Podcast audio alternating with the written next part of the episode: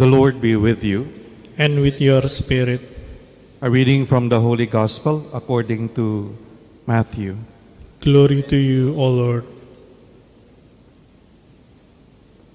After he had fed the people, Jesus made the disciples get into a boat and precede him to the other side while he dismissed the crowds. After doing so, he went up on the mountain by himself to pray. When it was evening, he was there alone. Meanwhile, the boat, already a few miles offshore, was being tossed about by the waves, for the wind was against it. During the fourth watch of the night, he came toward them walking on the sea. When the disciples saw him walking on the sea, they were terrified. It is a ghost, they said, and they cried out in fear. At once Jesus spoke to them, Take courage, it is I, do not be afraid. Peter said to him in reply, Lord, if it is you, command me to come to you on the water. He said, Come. Peter got out of the boat and began to walk on the water towards Jesus. But when he saw how strong the wind was, he became frightened, and beginning to sink, he cried out, Lord, save me. Immediately Jesus stretched out his hand and caught Peter and said to him, O you of little faith, why did you doubt? After they got into the boat, the wind died down. Those who were in the boat did Jesus homage, saying, Truly, you are the Son of God. The Gospel of the Lord. Praise to you, Lord Jesus Christ.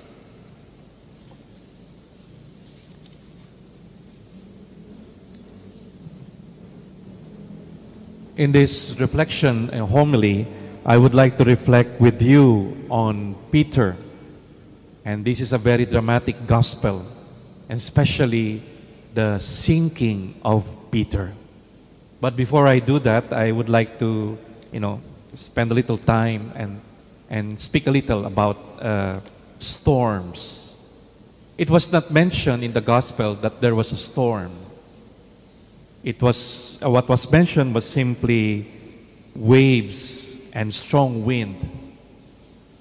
But this is not the first time that Jesus was with the disciples in the sea.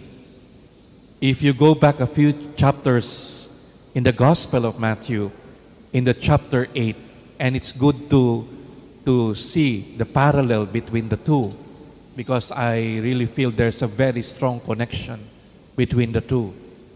That was the time when, when Jesus was sleeping on the boat, and this time it was really mentioned there was a storm. So it will help our reflection to understand the, the context, the environment, and to imagine a little bit. But my problem is uh, not really a problem. Uh, when I mention the storm, I think we have different imagination of the storm. When I mention storm in Indonesia, I do not know what you imagine because maybe because you don't have storm. When I, when I mention storm in the Philippines, it's really typhoon. And there's signal one, signal number two, signal number three. It depends. And the sound, the howling wind, trees getting toppled down, things flying in the air. This is the storm. So I don't know how you would imagine it, but no matter what the signal of the storm, whether you call it typhoon, storm, strong winds, hurricane, we are talking about something that is not within our control. A powerful force around us, the force of nature, that we have no control about. And it can cause really immense fear in us. You know, when you cannot control something, you fear it because you know it's something that is greater than you. So that is the scene. And not just to talk about the storm, there's an additional thing. You're talking of the storm or strong winds in the middle of the sea. Oh, now this time we can connect because we are surrounded by seas. And I cannot describe, I have one experience of uh, in the midst of a storm. in the sea. And we were we were on a big ship, passenger ship. You know, you can when you board the ship, you think this is a big ship. You feel secure on it. But you know, when the storm comes and you're in the middle of the sea, then you begin to feel it's so tiny. The ship really goes up the waves. And that's the first time I saw, you know, we were in a cabin, you know, that small round window uh, with covered uh, space there. And one time you see the waves, one time, uh, one time you see the waves, another time you see the sky. It's really, the boat is really doing like that. Anyway, that's the context. Something beyond us. Now let's go to Peter. So take note the storm, and then this is the second time that they will encounter Jesus in a similar situation in the middle of the sea. Let's go to Peter. The first time I read this, I mean, when I was reading, going through the gospel, I was, I wanted to tell Peter, what are you doing? Peter, are you crazy? Why ask the Lord to, to ask you to come? And that means walking on the water. Would you do that in your normal mind? That's something, I, that's not courage. I think that's some kind of being daring or being foolish. That's the first, initial, initial. But after some time, I don't dare criticize Peter. First, I do not know what's really going on in his mind. And second, when we look at our lives, we do also a lot of daring things. We do a lot. And foolish things that sometimes our parents would try to understand and say, What are you doing? Are you crazy? Yes, we do a lot of crazy things. And that's why better shut up. You know, don't criticize Peter. But I think looking again and again, there's something that made Peter ask Jesus. There's something. What? It was not it was not a purely daring act. It was not really a purely foolish thing to do. That's why I made reference to chapter 8 because Peter and the disciples already witnessed something in Jesus. And that is why in that gospel, at the end of that gospel, they were asking a question What sort of man is this that he has power over water, the sea, over nature?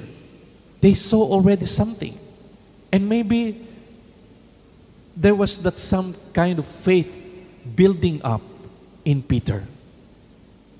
But maybe he thought his, his faith was enough.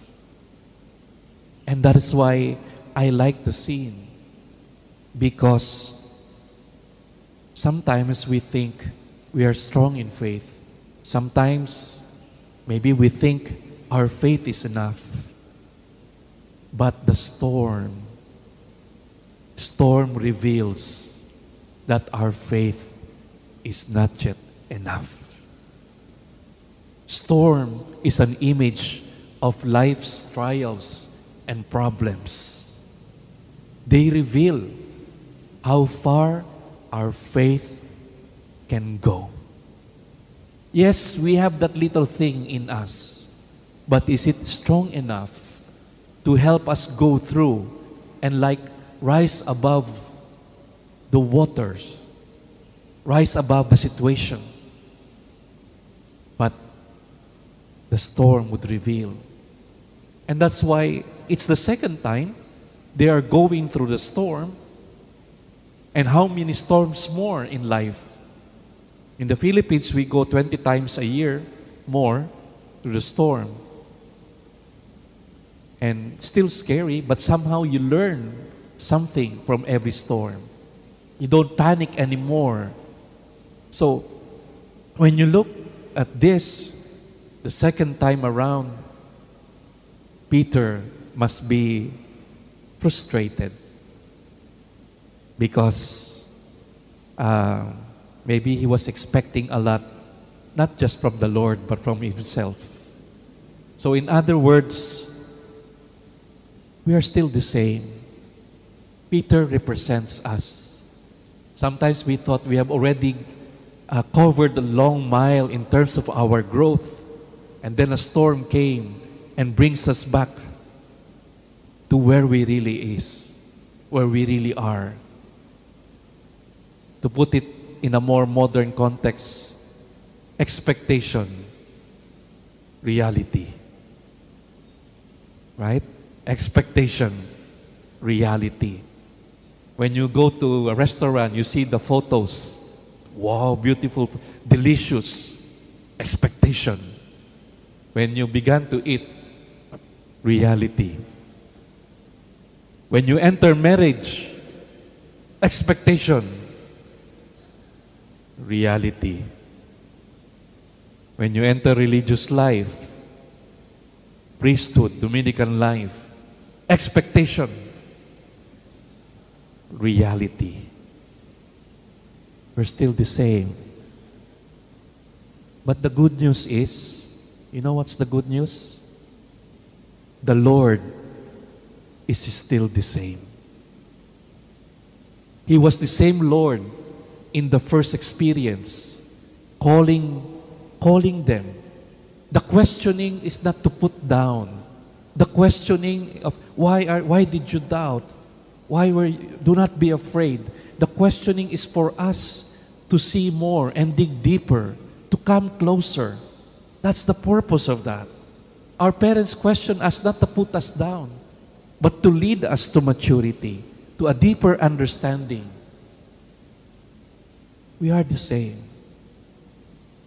But the good news is the merciful Lord is the same merciful Lord, the same loving Lord, ever faithful, always calling us, bidding us, waiting for us to stop our foolishness, waiting for us to trust more. So it looks the same. Now, but there is something happening. And I tell you, the gospel tells us something is happening. The first experience in chapter 8, it ended with the question Who is this that he has power over the waters and the sea? The gospel ended with a kind of profession and recognition. They paid him homage and they said, Truly, you are the Son of God. And that is, that is a cue that every time we pass through the storms, we might realize we are the same person, scared, doubting, weak. Yes, that might be, that might be true. But yet, the same experience leads us slowly to recognize God more and more. You know, when your parents scolded you for the first time, you feel bad. Second time, you feel bad. Third time, still you feel bad. It can go on and on. But one day you would realize, even when you were bad, your parents never gave up on you. It's the same loving parents. They never gave up on you. What were they expecting? Oh, it's not like us. They don't have this high expectation. They are always on reality. They know their children, you know. They don't expect much. They are just hopeful to see little signs of recognition. And that is enough. And that's beautiful. And that's why, my brothers and sisters, when we go through storms in life, even if we feel like we always sink because we are just weak, yes, that's one side, that's our part. But the God who calls us is the same, never giving up on us, always reaching, calling, extending His hands on us. There's something happening, even if things might look the same. there's something growing and hopefully bringing us closer to the Lord. Yesterday, I was in a webinar uh, for the univer- alumni of the University of Santo Tomas. And, you know, there was this portion, it's very interactive, that the moderator asked three questions at the beginning, and hopefully we will try to answer the participants. And I, we are included, even the resource persons. And I took note, I just mentioned the first one, and the question was, what was your life's peak experience where you felt most love? When you look at your whole life, try to remember that very striking peak experience where you felt most loved. So I went through the exercise, but I was not expecting they would ask me also and give my answer. And the, partic- the, the resource persons were asked. And one mentioned about when he felt depressed and almost committed suicide. But there were some interventions of people. One mentioned when she lost her husband.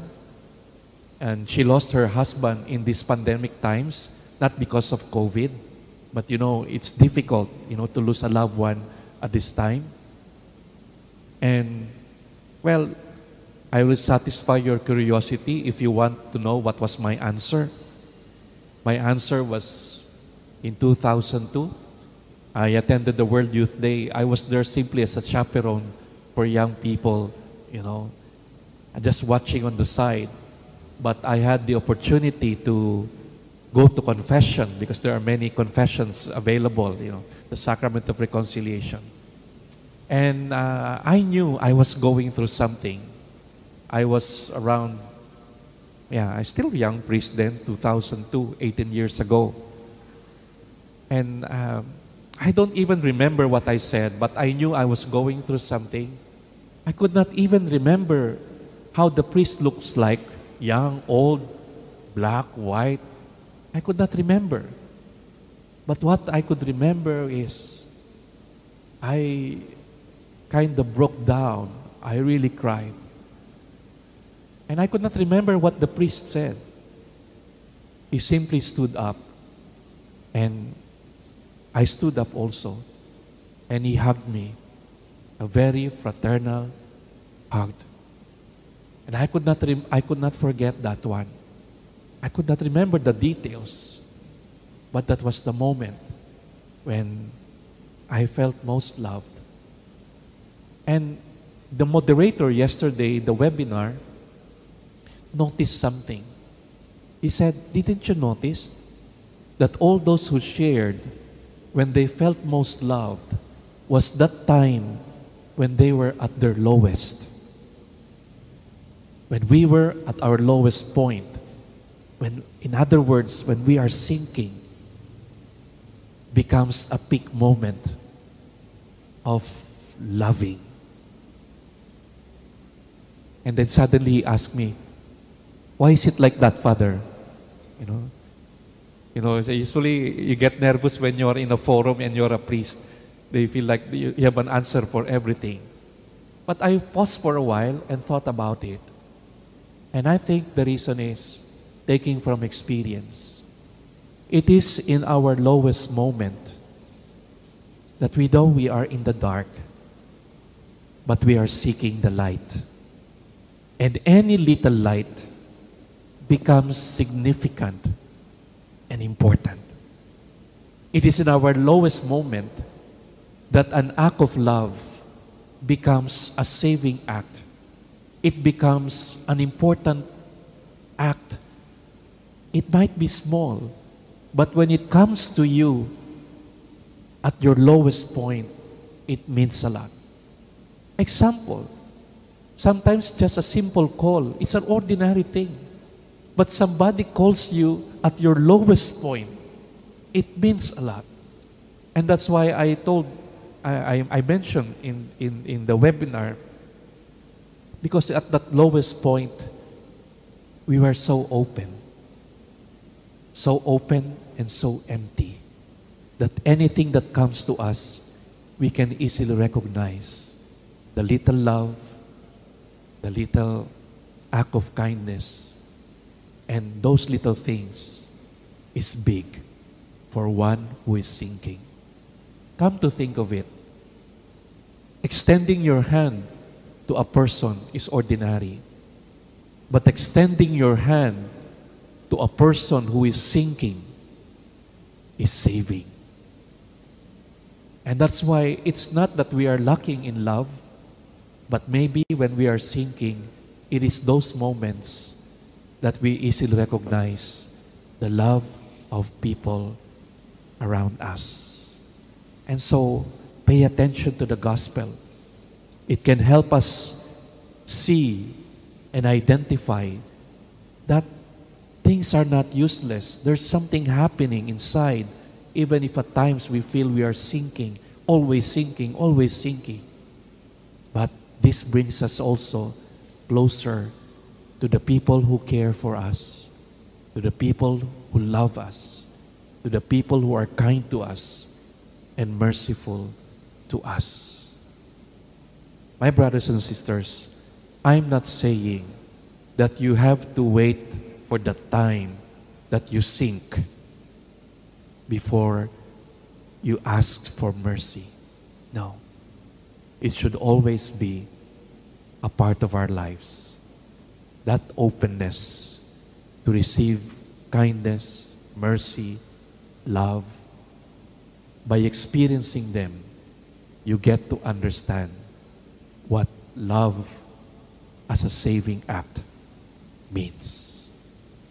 So we pray that in these difficult times, there are people reaching out, reaching out asking for help.